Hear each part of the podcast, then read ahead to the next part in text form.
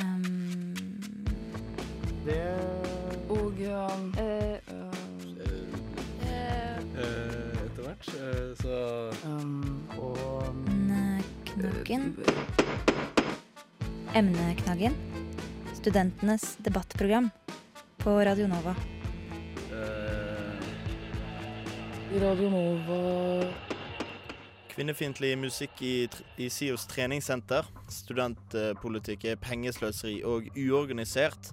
Vi må innføre skolepenger, og Bali-studier må bort. Emneknaggen. God eh, formiddag ettermiddag. Du hører på Emneknaggen, studentenes debattprogram her på Radio Nova. I studio Adrian Nyhammer Olsen og Marie Røsland, og eh, vi skal eh, gi deg en oppsummering av hva som har blitt debattert her i Studentenes debattprogram, Emneknaggen. Og det begynte så smått eh, i januar, da nyheten om at Westerdals, NITH og NIS slår seg sammen til én skole. Det skapte opprør blant studentene, og vi tok en prat med de, i tillegg til rektorer på de tre skolene. Um, Emneknaggen. Denne uka ble det klart at de tre private høyskolene NIS, Westerdals og NITH slår seg sammen til det som nå blir kalt for en superhøyskole. Denne høyskolen vil beholde Westerdals-navnet. Adrian Nyhammer Olsen har vært rundt på Westerdals og spurt studentene hva de tenker rundt denne saken.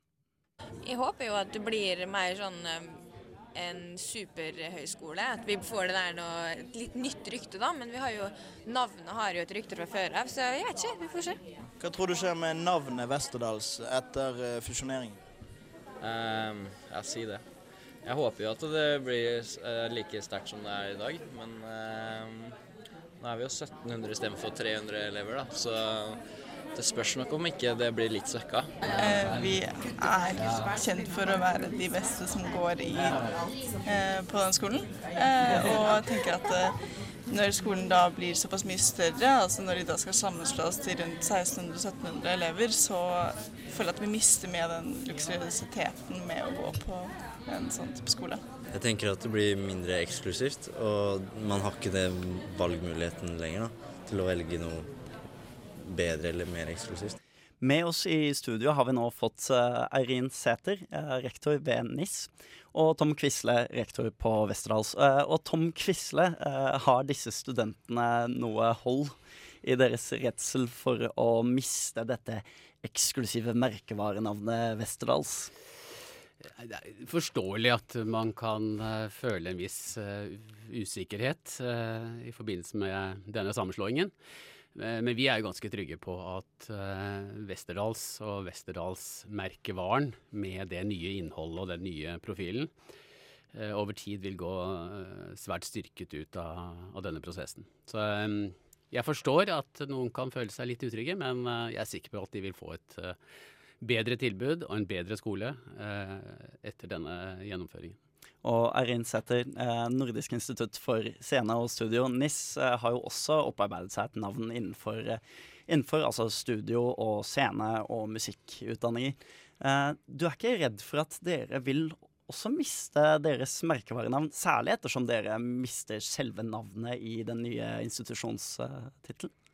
Så klart, det er også noe som er oppe blant våre studenter. Men jeg har nok ikke møtt det at de er så skeptiske som akkurat disse studentene ved Westerdals eh, eh, forteller. Men likevel så vil jeg tenke at det er viktig at vi som nå er ansvarlig for dette her, hjelper studentene til å bygge en kultur sammen. Det er en utfordring som vi tar på alvor, og som vi kommer til å bruke ressurser på.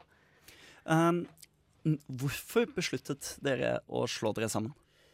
Altså, det er mange grunner til det. Eh, jeg holdt på å si big is beautiful. Eh, det er jo klart at eh, vi var tre, eh, og er, tre små skoler. Og, i, og i den sammenheng så, så så vi at både faglig sett, konkurransemessig, internasjonalisering, forskning, mange, mange viktige områder innen høyskoledriften er skadelidende ved at man er for liten. Så, eh, så størrelse var viktig. Eh, Eirin Sæther, vil studentene merke en forskjell eh, når de nå går inn i denne større høyskolen? Kanskje ikke sånn med en eneste gang, men vi har jo selvfølgelig håp om at de skal kunne samles på sikt, og kanskje ikke så altfor lang sikt heller.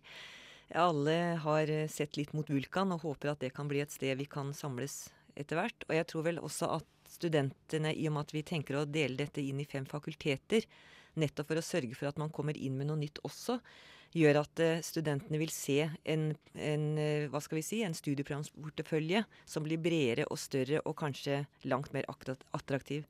Noen av studentene i sted de, de snakket om eksklusivitet, men det er jo ikke slik at vi nå lager en type skole hvor det blir en kjempeklasse med det ene eller det andre.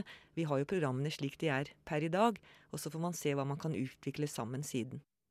Til slutt så hørte du Eirin Sæter, som er rektor på NIS. Du hører på Emneknaggen, som oppsummerer debattsemesteret. Og eh, nå skal vi over til feminisme. For eh, feminisme var et tema vi tok opp eh, flere ganger gjennom eh, dette året, så langt det er kommet. Og den ene gangen var det anklager om kvinnefiendtlig musikk på SIOs treningssentre, som vi snakket om. Før eh, Aftenposten kastet seg på saken, hadde vi Ottar og Velferdstinget her i studio sammen med Runa Kleiberg, som ikke likte musikken hun trente til. Du, Runa, som har sendt en klage eh, til SIO eh, om musikken eh, som blir spilt på SIO Atletica. Kan du fortelle hva du eh, har skrevet om i klagen din? Eh, ja, eh, den klagen er Bakgrunnen for den klagen var at jeg ofte har irritert meg over den musikken som spilles i SIOs treningssenter. Um, sist gang når jeg var og trente nå, f.eks., så ble jeg nødt til å høre på en god del musikk der eh, innholdet enten var utelukkende seksuelt eller eh, dreide seg om direkte kvinnefiendtlige ting. Eh, og det som er, du er i en situasjon, du kommer inn på senteret, stiller deg på mølla og vil jo gjerne bare trene, ha en god økt, eh, og så blir du tvunget til å høre på eh, ja, ganske nedverdigende musikk eh, på et så høyt volum at du ikke har mulighet til å blokkere det ute, da. Eh, du refererer til linjer som 'Baby, let me fuck you from behind', 'Hit that pussy' og 'I'll give you something big enough to rip your ass in two'. Eh, du representerer kvinnegruppa Ottar. Hva tenker du om at eh, tekster med dette innholdet blir spilt eh, på studentenes treningssenter? Jeg er ikke så veldig overraska, for denne typen musikk eh, hører vi på treningssentre rundt omkring i, i hele landet. Og ja, hvis man går på byen for å danse, så er det jo òg tilsvarende type musikk som kanskje mange hører på uten å tenke så nøye over eh, innholdet. Eh, men når du først står der på en tredemølle eh, og, og er på en måte tvunget til å ta inn musikkens suggesjon i treninga di, så så er det jo selvfølgelig sånn at man legger jo merke til at dette er Så her står jeg og trener til noe som, som krenker meg som kvinne og meg som person. Uh, Rune, er det sånn at du har lyst til å- at SIO ikke skal spille den musikken lenger? Ja, selvfølgelig. Jeg syns jo de bør innføre et minstekrav, eh, i hvert fall. I at, Minstekrav på hva da? eh, Et minstekrav i at musikken den spiller, ikke skal være krenkende overfor noen. Um, eh, altså skal man da gå inn og så detaljstyre musikken som blir spilt? Ja, men altså nå, Hvis det er radio man bruker, så bør man jo heller benytte seg av en, en annen kanal. eh, Men eh, jeg har inntrykk av at det er personlig MP3 som brukes, og da har man jo full kontroll på hva man velger å ta på. Jeg vil opplyse om at SIO ikke kunne komme her i dag, men de sier at de spiller eh, NRK MP3, eh, som er da radiokanalen. Du ville ha en kommentar, Anne? Ja, så Spørsmålet her er jo ikke om de bør sensurere musikken sin eller ikke. Det er klart at de må det. Eh, og spørsmålet er jo ønsker man kvinnelige kunder? Altså Ønsker man eh, at kvinner skal komme dit og trene? Og Hvis svaret er ja på det spørsmålet, så må de altså gå inn og se på hvilken type musikk de spiller. Tror du at alle reagerer på dette her? Alle kvinner reagerer på den slags innhold i tekstene? Jeg tror de aller fleste kvinner som hører, eh, som legger merke til, til teksten, eh, reagerer på det. Jeg tror veldig mange menn òg reagerer på det. Det er jo ikke sånn at de fleste menn heller har lyst til å stå og trene eh, til, eh, til innhold som fornedrer kvinner. Eh, Morten Grinna Grynna Nordmann, du sitter jo som nestleder i arbeidsutvalget til Velferdstinget. Og eh, dere er jo studentenes stemme i samskipnaden og har en viss innflytelse på hva som skjer. Hvordan stiller du deg til uh, disse anklagene om uh, kvinnefiendtlig musikk i SIO Atletica? Altså, Velferdstinget har ikke noe spesifikk politikk på, uh, på musikken som spilles på, på SIO Atletica. Uh, men vi har veldig, veldig stor forståelse for at uh, den, den opplevelsen Rune har hatt, åpenbart ikke har vært veldig hyggelig. Men slik vi ser det, er dette i stor grad såpass detaljert at det er egentlig et driftsspørsmål internt til SIO Atletica. Og det er et driftsspørsmål som eh, hvis Velferdstinget ønsker, de kan sende en resolusjon og, eh, og, og, og be oss jobbe med det, og da kommer vi til å jobbe med det. Eh, men før vi har spesifikk politikk på det, så må det anses som et internt driftsspørsmål i SIO Atletica, som det nok er eh, lettere egentlig for alle å bare ta, ta og snakke med f.eks. betjeningen på, tjen på treningssenteret og spørre om de kan spille noe annet, eventuelt senke volumet eller eh, tilpasse på andre måter. Hadde det vært et alternativ for deg, Rune, å ikke trenge å ha en sensur på alt, men at du personlig kan spørre om eh, å skifte musikk eller senke volumet? Ja, altså Aller helst ville jeg selvfølgelig at uh, den musikken ikke skulle spiltes i det hele tatt. Men uh, grunnen som, eller det som gjorde at jeg reagerte så sterkt nå, var at det var en kombinasjon av for det første uh, veldig grove tekster, og det andre på et så høyt volum at det, man har ikke sjans, man blir hørselsskada om man switcher til egen musikk. Så så i hvert fall senk volumet, selvfølgelig, men jeg syns ikke at den type musikk har noen ting å gjøre i en treningssituasjon uh, uansett. Anne, jeg må spørre deg, hva sier det om uh, SIO sitt kvinnesyn når de spiller denne musikken på treningssenter som de, de driver? Det tyder på en veldig bevisstløs holdning i forhold til, til likestillingsspørsmål eh, og, eh, og den populære populærkulturen eh, som nå er ganske prega av pornokultur. Eh, og det er jo det som er sakens kjerne her, at mer og mer av den kulturen vi omgås eh, i, er prega av, av pornoens uttrykk, pornoens kvinnesyn, pornoens syn på, på seksualitet. Eh, og Eh, Jeg tror mange har vært bevisstløse eh, i forhold til dette lenge. eh, Men eh, nå begynner jo flere og flere å få øynene opp for, eh, for det kvinnesynet som dette representerer. Eh, Og da må man jo stille seg spørsmål. Hvem er det man representerer? Eh, Er det sånn at eh, kvinner òg skal ha eh, full bevegelsesfrihet her? Til slutt så hørte du Arne Stø fra kvinnegruppen Otta. Du hører på emneknaggen som oppsummerer eh, debattsemesteret våren 2014. Og nå skal vi over til eh, organisasjonen som representerer over 220 000 norske studenter. For de kan ikke forvente at det bare er de som skal få kjefte fra seg. Og det beviste politisk journalist i Klassekampen eh, Jens Kiel da han i februar gikk hardt ut eh, mot en relativt fersk organisasjon. Norsk eh, studentorganisasjon virker byråkratisk og overadministrert, eh, skrev Jens Kiel, politisk journalist i Klassekampen, i gårsdagens utgave. Både han og Ola Magnussen Rydje, leder i NSO, sitter her i studio. Velkommen til eh, dere begge. Og Jens, denne kommentaren som du har skrevet, hva, hva mener du med den? Nei, eh, jeg er opptatt av at eh, Norsk studentorganisasjon, som forvalter eh, interessene til veldig mange studenter og mange viktige kampsaker, oppfatter jeg har et, et omdømmeproblem som, som jeg valgte å, å ta opp, knytta til pengebruk. Knytta til eh, hvordan de profilerer seg i offentligheten. Knytta til eh, på en måte hvordan de framstår internt med hva slags prosesser de velger å lage. Uh, og at det, det svekker studentsaken, som jeg oppfatter som en ganske viktig sak i Norge i dag. Og Ola, du var en av de som, uh, som ga en tilbakemelding på Twitter. Uh, hva, hva mener du om kommentaren til Jens? Eh, For det aller første så har jeg lyst til å si at jeg syns det er veldig bra at eh, økonomien til NSO debatteres. Eh, Det er viktig at vi har både enighet og uenighet rundt i organisasjonen. At vi klarer å løfte spørsmål som ofte er viktige, og som også oppfattes som viktige både av eh, studenter internt, men også ellers. Ja. Og jeg syns det er spesielt viktig også hvis det er eh, det som Jens drar opp, hvis det snakkes om et omdømmeproblem og en profil i offentligheten. Nå har det ikke blitt utdypa noe mer om hva som eh, menes med det, og litt mer konkret om hva det innebærer. Eller for så vidt hva overadministrert og byråkratisk innebærer.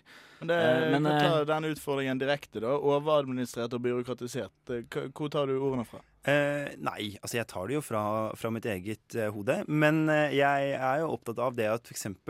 så brukte NSO fra de eh, blei stifta, eller sammenslått, eller hvordan man ser på det, tre år til de var ferdig med å vedta politikk på de, program, på de områdene hvor de skulle ha politikk.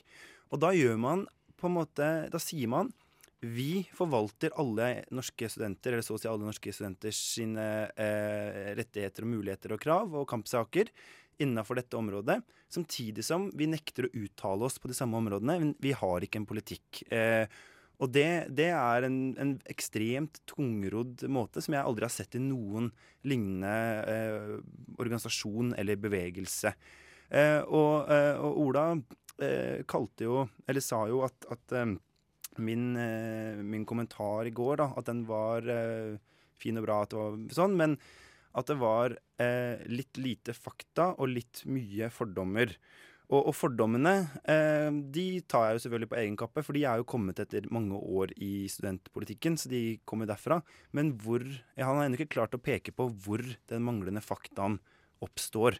Eh, han har ikke klart å peke på summer som er gale, eller opplysninger som ikke stemmer, eller er, eh, ikke er underbygd. Eh, på en måte i det formatet som en enspalters kommentar gir mulighet for. Ja, Ola, hva, hva er disse faktaene som du reagerer på? Eh, det var egentlig som jeg litt skrev i en kommentar tilbake nå, at det handla for det aller meste om at eh, budsjettet vårt var litt mer blåst opp enn det var. Men eh, jeg kan godt si at det var om, nei, altså de fordommene som kom, som var det viktigste. da. Mm. Og jeg synes at, sånn at, for oss, Bare la meg snakke ja, ferdig nå. Ja. For oss så um, Vi ble jo fremstilt i en sak som var hvor det var et eksempel fra et sted i Oslo, tror jeg, som i 2008 hadde reist på en ferietur. NSO ble jo oppretta i 2010. Eh, vi har, brukt, eh, vi har tatt oss god tid på å utvikle mye politikk. Eh, og det er sånn at det et, går et skille mellom det å skulle forhaste seg eller det å forankre godt i organisasjonen. Og jeg tror at mye på den politikkutviklingen som Jens nevner, så var det vel litt sånn at det første året vårt, etter en ganske uh, spesiell sammenslåingsprosess, eller altså det var en del uh, utfordringer mellom å slå sammen høyskolene sin og universitetene sin landsdekkende organisasjon, så var det nok uh, måtte man trå varsomt eh, for å gå ut og mene noe om mye. Og Her tror jeg vi har eh, både tatt oss god tid og brukt, brukt den tiden vi skal på å utvikle god politikk. Mm, Jens? Altså Nå har vi f.eks. en, en regjering som er slått sammen av to partier og med to støttepartier til i Stortinget. Eh, og hvis de hadde sagt bare vent litt, vi trenger bare tre år på å bli enige om hva vi skal mene i offentligheten, men, men bare slapp av, vi kommer til å mene om dette, så tror jeg at jeg som politisk journalist kanskje ville oppfatta at, at, dette er noe tungrodd i forhold til hva systemet rundt eh, krever. Og når du sier ett sted i Oslo som dro på en ferietur, så er det jo da eh, vi, dro, vi, dropper, vi dropper studentparlamentet på uh, universitetet nå. Uh, du ville svare, Ola? Uh, ja. jeg tenkte litt at vi må få lov til å la en organisasjon utvikle seg også, da. Det er helt riktig sånn at det første året til NSO så måtte vi svare vet du hva, dette har vi ikke politikk på ennå.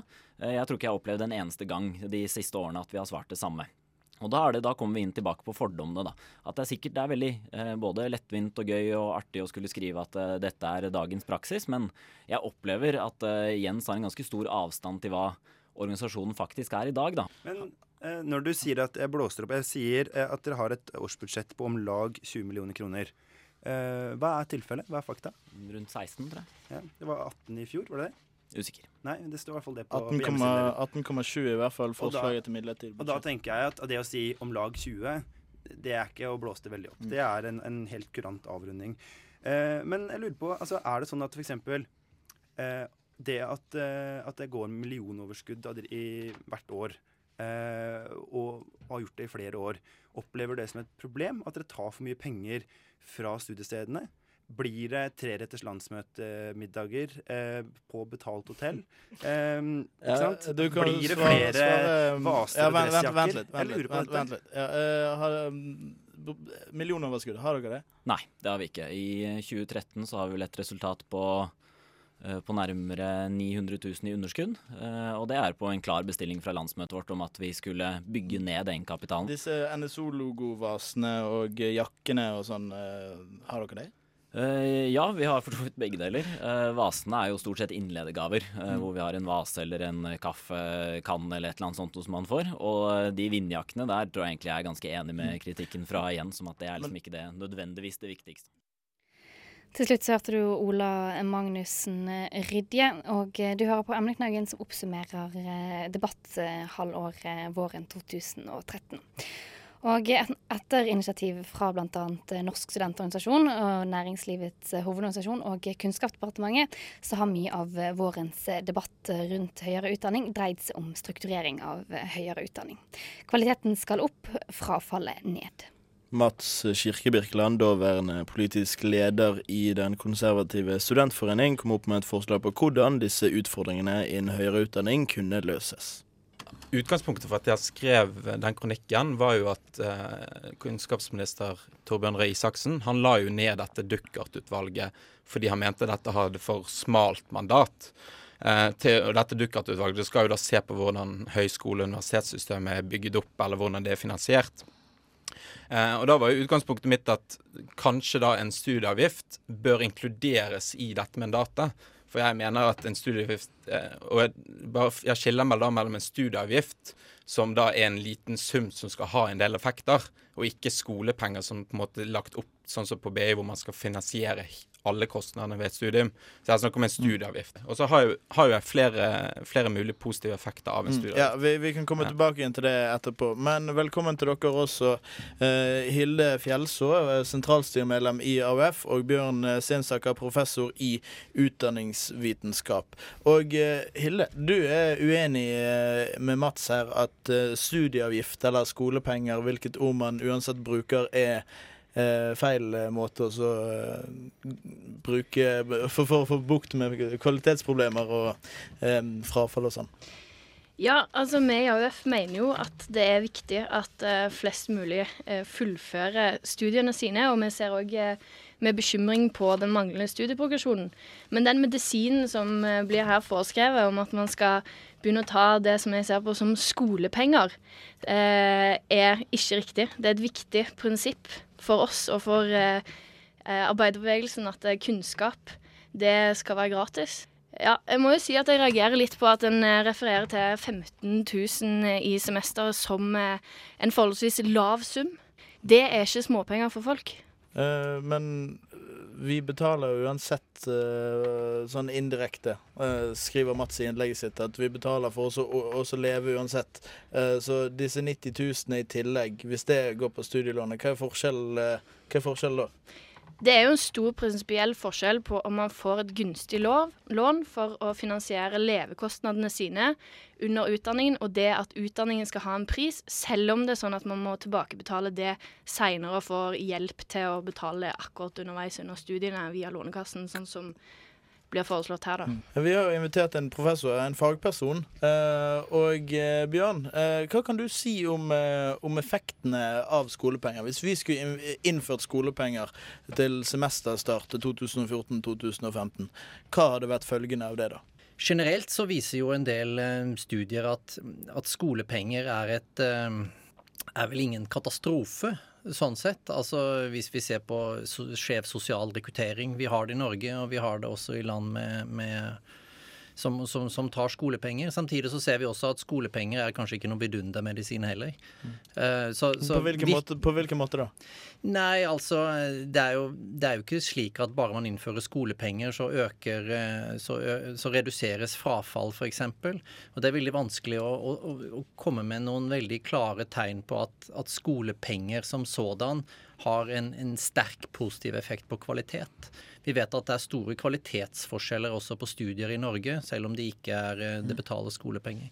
Men altså, jeg har en litt mer sånn nyansert eh, syn på dette. Jeg, jeg ser vel ingen katastrofer med det, men jeg, jeg ser egentlig ikke helt hva som er det, den, den umiddelbare gevinsten heller.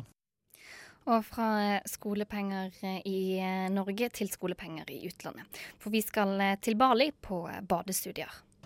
De såkalte badestudiene type X-Fil og X-Fac med spansk surfing og korona på Bali eller Mexico er blitt kraftig utskjelt denne uken.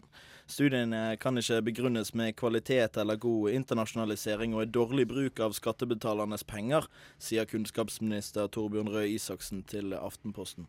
Du er enig i dette, Aksel Nedrum, internasjonalt ansvarlig i Norsk studentorganisasjon. Hva er problemet med badestudiene? Problemet med badestudiene er at de, de aller fleste av dem handler om å misbruke finansieringssystemet for å tjene raske penger til uh, offentlige institusjoner. Uh, hvor de i samarbeid med kommersielle aktører tar skolepenger, noe de ikke har lov til, tilbyr studier som ikke er kvalitetssikret av NOKUT, for å få raske penger inn gjennom studiepengene deres. Vi er, veldig, vi, vi er ikke noe imot at studier tilbudt i Norge også foregår i utlandet. Og det er veldig mange studier som dette skjer som ikke omtales som badestudier.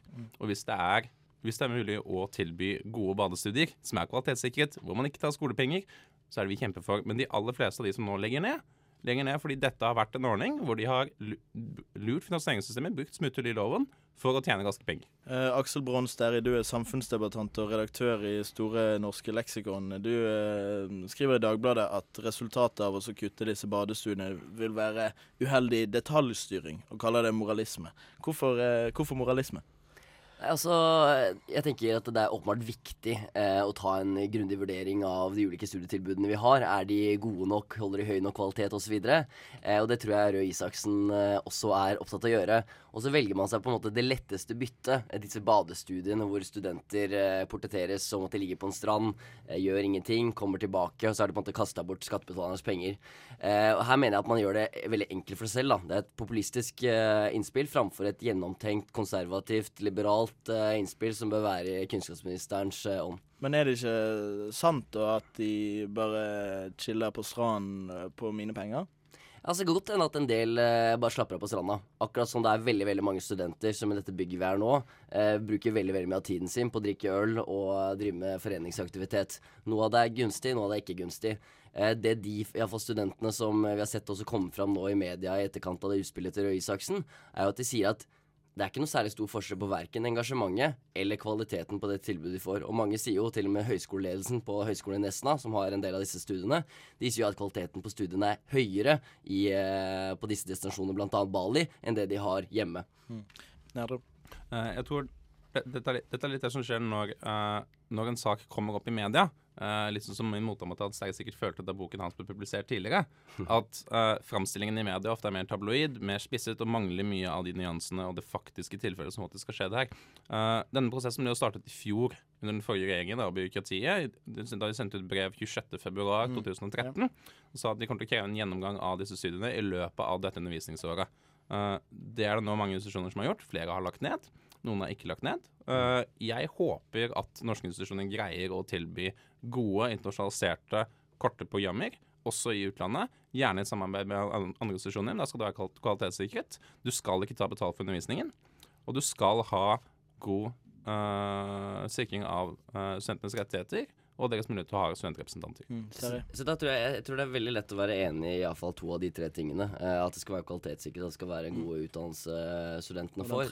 Det er det ingen tvil om. Men derimot, eh, det er, det er ikke helt sikkert at hvorfor, hvorfor skolepenger. Altså Hvorfor er det i så, i så fall et stort problem? Jeg var et halvt år i, eh, på University of Minnesota, eh, og der betalte jeg ganske betydelige skolepenger, som jeg riktignok fikk dekket av eh, Lånekassen som et lån. Eh, hvorfor er det annerledes her? Ja, så du kan svare på det. Nå kødder min motdebattant med gratisprinsippet i norsk høyere utdanning. Uh, det settes veldig lite pris på. Dette handler om lik rett til utdanning. Vi vet at låneaversjon påvirker hva slags mennesker som tar høyere utdanning. Du har, du har god forskning som viser at du har, et, uh, du har studenter som potensielle studenter med gode karakterer som kunne kommet inn, som velger å ikke ta høyere utdanning pga. mengden lån de skal ta opp. Du får, uh, du får eh, stipend bl.a. for uh, skolepenger i utlandet. Mm. Det betyr ikke at norske institusjoner likevel bør ta dem. Det handler om at vi ønsker, vi, vi ønsker internasjonalisering og sende studenter til andre land hvor de dessverre ikke tar likhet til utdanning Men på alvor. da blir det jo Altså gratisprinsippet blir jo i praksis oppfylt når det da er et stipend, blir det ikke? Uh, stipendet er jo ikke på 100 Uh, på, på bachelornivå ligger det på 50 uh, og på masternivå ligger det på 70 hvis du fullfører. Og Det er en måte den norske tilnærmingen til hva gjør vi i en verden hvor veldig mange land vi ønsker å ha uh, akademiske forbindelser med, ikke respekterer lik rett til utdanning. Uh, er en måte den, den, Men hva er det du er redd for? Altså, er, det, er det nettopp det at uh, du er redd for låneaversjon osv.? Kanskje de som kommer fra dårlig kår osv. er litt er litt mer følsomme litt mer følsomme for å tape et lånesøppel. Det er låneaversjon. Uh, og er du redd for at det bare skal være eliten som drar til Bali og studerer? For det virker ikke som er tilfellet. Det var da noen av eh, debattene vi har hatt eh, fra i år. Emneknaggen er tilbake etter sommeren eh, med nye debatter om hva som skjer i studentlivet. Men har du lyst til å høre mer av oss, så finner du oss på, i Studentnyhetene på Soundcloud, Twitter og Facebook. Så følg oss her. Etter oss kommer Democracy Now, og de skal snakke om høyreekstremistisk terror som har tatt flere liv i USA den siste tiden, så følg med her på Radio Nova.